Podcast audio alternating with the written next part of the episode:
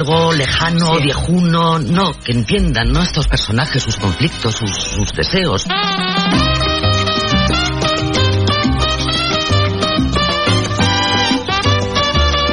Son ya las 7 y 20 minutos de la mañana, las 6 y 20 en Canarias.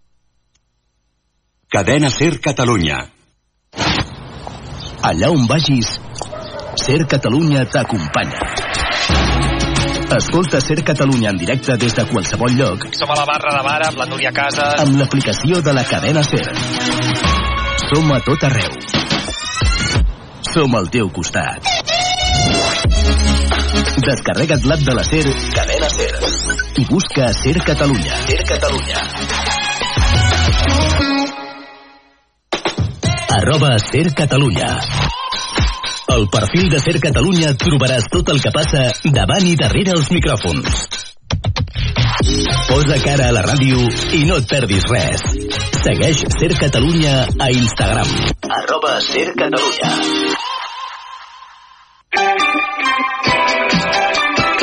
Ser Catalunya. La força de la conversa.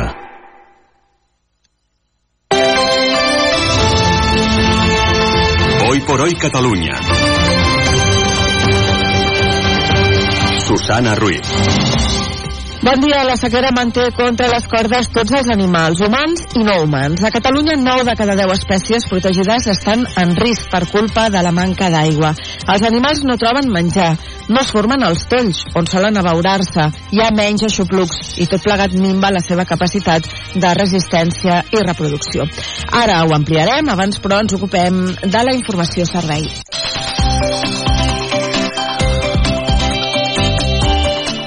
I anem precisament amb la informació del temps, que no els hi hem d'arreglar res als animals perquè de pluja no n'estarem, Jordi Carbó. Molta atenció al vent que bufarà fort a gran part de Catalunya, sobretot a mesura que avanci la tarda, on més a les comarques de Lleida, el Pla de Lleida i l'Altiplà de la Sagarra, al voltant dels 80 km per hora les ratxes màximes, al Pirineu a cotes mitjanes i altes, més de 100 km per hora, al igual que les comarques de Tarragona. Un vent de ponent i de mestral que arribarà eixut, per això farà molt de sol, amb bona visibilitat, tan sols avui xàfecs a la tarda al Pirineu i cota de neu alta, perquè tampoc avui esperem molt de fred. Ara mateix tenim 7 graus a Tortosa, 6 a Palamós, 2 a Manresa, 2 sota 0 a la Seu d'Urgell, màximes de 15 a 20 graus. Ens ocupem també ara de la informació al trànsit. Anem al RAC. Àlex Huguet, bon dia. Molt bon dia, ja registra una avaria a aquesta hora al tram de Sant Cugat del Vallès en sentit sud a la B30. Hi ha un vehicle apartat al voral i per ara no es registren pràcticament aturades. A la resta de vies es van omplint les vies habituals, com sempre, al Papiol, a l'AP7 en sentit sud, la2 a Sant Joan d'Espí, a l'enllaç amb la B23 cap a Barcelona o a la C58 arribant al Nus de la Trinitat, també a Barcelona. I pel que fa a les rondes, la que va més plena en sentit Llobregat ara és la ronda de dalt des de Santa Coloma fins a Horta durant 4 quilòmetres i també es va omplir la litoral ara des de Sant Adrià i el Fòrum fins al Poble Nou. És tot des del RAC. Bon dia. Bon dia, gràcies, company. Com us dèiem, un 90% de les espècies protegides que tenim a Catalunya estan en risc per culpa de la sequera, segons ha explicat el Departament d'Acció Climàtica a CER Catalunya. Els més afectats són els amfibis, però pràcticament totes les espècies de tots els ordres en pateixen alguna conseqüència. Carles Couso. El director general de Polítiques Ambientals de la Generalitat, Marc Vilaur, diu que les conseqüències de la sequera són diverses en els animals a que els afecta d'alguna manera o altra. O sigui, els afecta amb una reducció de, de, de l'alimentació, o els afecta amb, amb més dificultat per trobar amagatall per hàbitat, o els afecta directament, diguéssim, amb, amb, amb la capacitat de supervivència o de reproducció, o fa que s'hagin de moure més. O sigui, hi ha una afectació directa o indirecta sobre el 90%. També explica que les actuacions a curt termini no són una opció vàlida per combatre el problema real. Podem fer una actuació específica, no?, de, de doncs, doncs posar abeuradors, o, o, però el que no podem fer és artificialitzar el cicle de la natura a tot Catalunya, i més sapiguem que l'aigua eh, és limitada, mm, tant per nosaltres com per la resta d'espècies. Vilaur també diu que l'estrès hídric de la vegetació fa que aquesta generi menys fruits i, en conseqüència, menys aliments pels animals.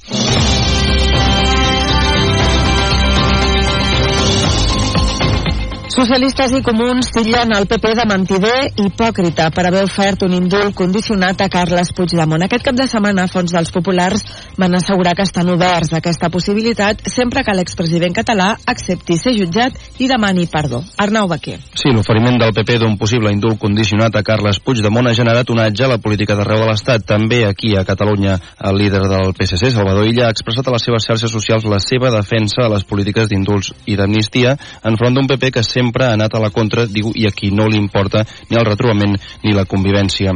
Des dels comuns, Jessica Albiach encara ha estat més, taxaci, més taxativa. Feijó és un mentider i un piròman que pel dia estava incendiant Catalunya i que per la nit el que estava fent era parlant amb Junts d'una possible amnistia o d'un possible indult a Carles Puigdemont. Per què ara surten aquestes declaracions? És perquè pensen que pot ser se necessitarà un indult per algun, alguna de les persones investigades per l'operació Catalunya i l'altre és que tinga por de que Junts per Catalunya expliquen el contingut de les converses que van tindre durant el mes d'agost per la seva banda, el PP català manté que això no suposaria un canvi de guió respecte al que deien fins ara, mentre Junts manté el silenci. Tornem a la qüestió ambiental. Quatre de cada deu viatges que es fan en cotxe a l'àrea metropolitana de Barcelona es podrien fer en transport sostenible en un temps similar. Aquesta és una de les conclusions d'un estudi de l'Institut Metròpoli de la Universitat Autònoma de Barcelona que també té en compte les condicions socials dels qui decideixen viatjar en cotxe. Diu l'estudi que el 40% dels trajectes que es fan en cotxe tenen una alternativa menys contaminant que no suposa cap gran esforç de temps i diners als usuaris. En concret, es podria estalviar un milió de trajectes en cotxe per aquests hi hauria diverses alternatives. La principal és la bicicleta elèctrica, que salvaria 980.000 trajectes, però del milió de trajectes en cotxe també n'hi ha una bona part que es podrien salvar en transport públic, més de 600.000. Tot i així, Núria Pérez, responsable de mobilitat de l'Institut Metròpoli, explica que perquè això fos possible s'haurien de millorar les condicions d'aquests transports. La, la fiabilitat del propi servei eh, pot condicionar uh, aquest traspàs, és a dir, que han de ser serveis uh, fiables, confiables, no? que, que passaran l'hora, i també és un tema important que, que també destacaria és que han de ser eh, desplaçaments còmodes, és a dir, si vas molt ple, en transport públic el viatge es fa més desagradable, no? per tant, més, acabes eh, fent una elecció individual com el cotxe. L'estudi conclou també que tot i el percentatge de viatges en cotxe que es podrien eliminar a l'àrea metropolitana, les motos encara no tenen rival. Els programes de tres escoles de negocis catalanes tornen a estar entre els millors del món segons el Financial Times. Destaquen per la seva formació en solucions climàtiques perquè les empreses redueixin a zero la seva petjada de carboni. Ens ho explica Marina Segura. Són els MBA i el programa estrella de les escoles de negocis d'IS, ESADE i EADA Business School. La primera es manté a la part alta del rànquing i el seu MBA és el cinquè millor del món segons l'estudi del Financial Times. ESADE escala 13 posicions i se situa al 17è lloc amb una qualificació mitjana d'un 9. Pel que fa a EADA també millora en el rànquing i és enguany la número 94. Les escoles de negocis celebren que es valoren factors com l'educació medioambiental. I si tenen una formació més eh, holística que els fa pensar de tots els indicadors, evidentment no només a l'econòmic, sinó els impactes de les seves accions, això serà una contribució molt necessària que té el nostre, nostre món, planeta, societat, equips... És Jordi Díaz, director general de ADA Business School. Hoy por hoy Catalunya. Anem ara amb la informació de successos investigant la mort d'un intern de la presó de Brianzú com a possible estrangulament per part del seu company de cel·la. Sí, l'home va ser trobat sense vida aquest cap de setmana al centre penitenciari de Sant Esteve Sarrovires, al Baix Llobregat, i segons ha publicat el digital El Caso, l'home va morir dissabte a mans del seu company de cel·la que l'hauria estrangulat amb una corda dins de la presó. Des de la Generalitat, però, han demanat prudència pel que fa a les causes de la defunció que, com dèiem, s'estan investigant. I la Policia Nacional ha detingut a Barcelona i a l'Hospitalet de Llobregat tres líders d'una mare, que és com es coneixen les bandes llatines, molt violenta. Ha estat en una operació que ha comptat amb la participació de l'FBI. Segons un, segons un comunicat emès per la Policia Nacional, els tres arrestats encapçalaven el grup i intentaven captar nous membres al districte de Nous Barris i a l'Hospitalet per ocupar l'espai que havia deixat una estructura similar desarticulada ara fa un any. La investigació va començar el mes d'octubre passat quan la policia va tenir coneixement de les amenaces i agressions que estaven patint a Barcelona diverses persones d'origen llatinoamericà a mans d'uns individus que presumien de ser integrants de la banda. Els agents van anar a estirar el fil i dimecres passat es va desplegar un dispositiu policial que va culminar amb les tres detencions i la incautació d'una arma de foc. L'operació, però, encara continua oberta. I esports, el Barça torna a caure a la classificació i se situa a 10 punts del Madrid. Joan Tejedor, bon dia. Bon dia. Els errors defensius del Barça desllueixen el primer doblet amb el primer equip de la Yamal, que va fer el primer i l'últim gol d'un partit en què el Granada, penúltim de la Lliga, va arribar a estar dues vegades per davant el marcador i que pel tècnic del Barça, Xavi, és una metàfora de la temporada. Sobretot per, per aquests errors defensius que ens estan marcant la temporada. Molts gols encaixats, massa, masses. En resum diria que el, els errors defensius ens estan, ens estan matant. L'empat a 3 contra el penúltim va deixar els ànims força calents a la llotja de Montjuïc entre els dirigents del Barça, sobretot el president. Son las siete y media, las seis y media en Canarias. Hoy por hoy, con Ángeles Barceló.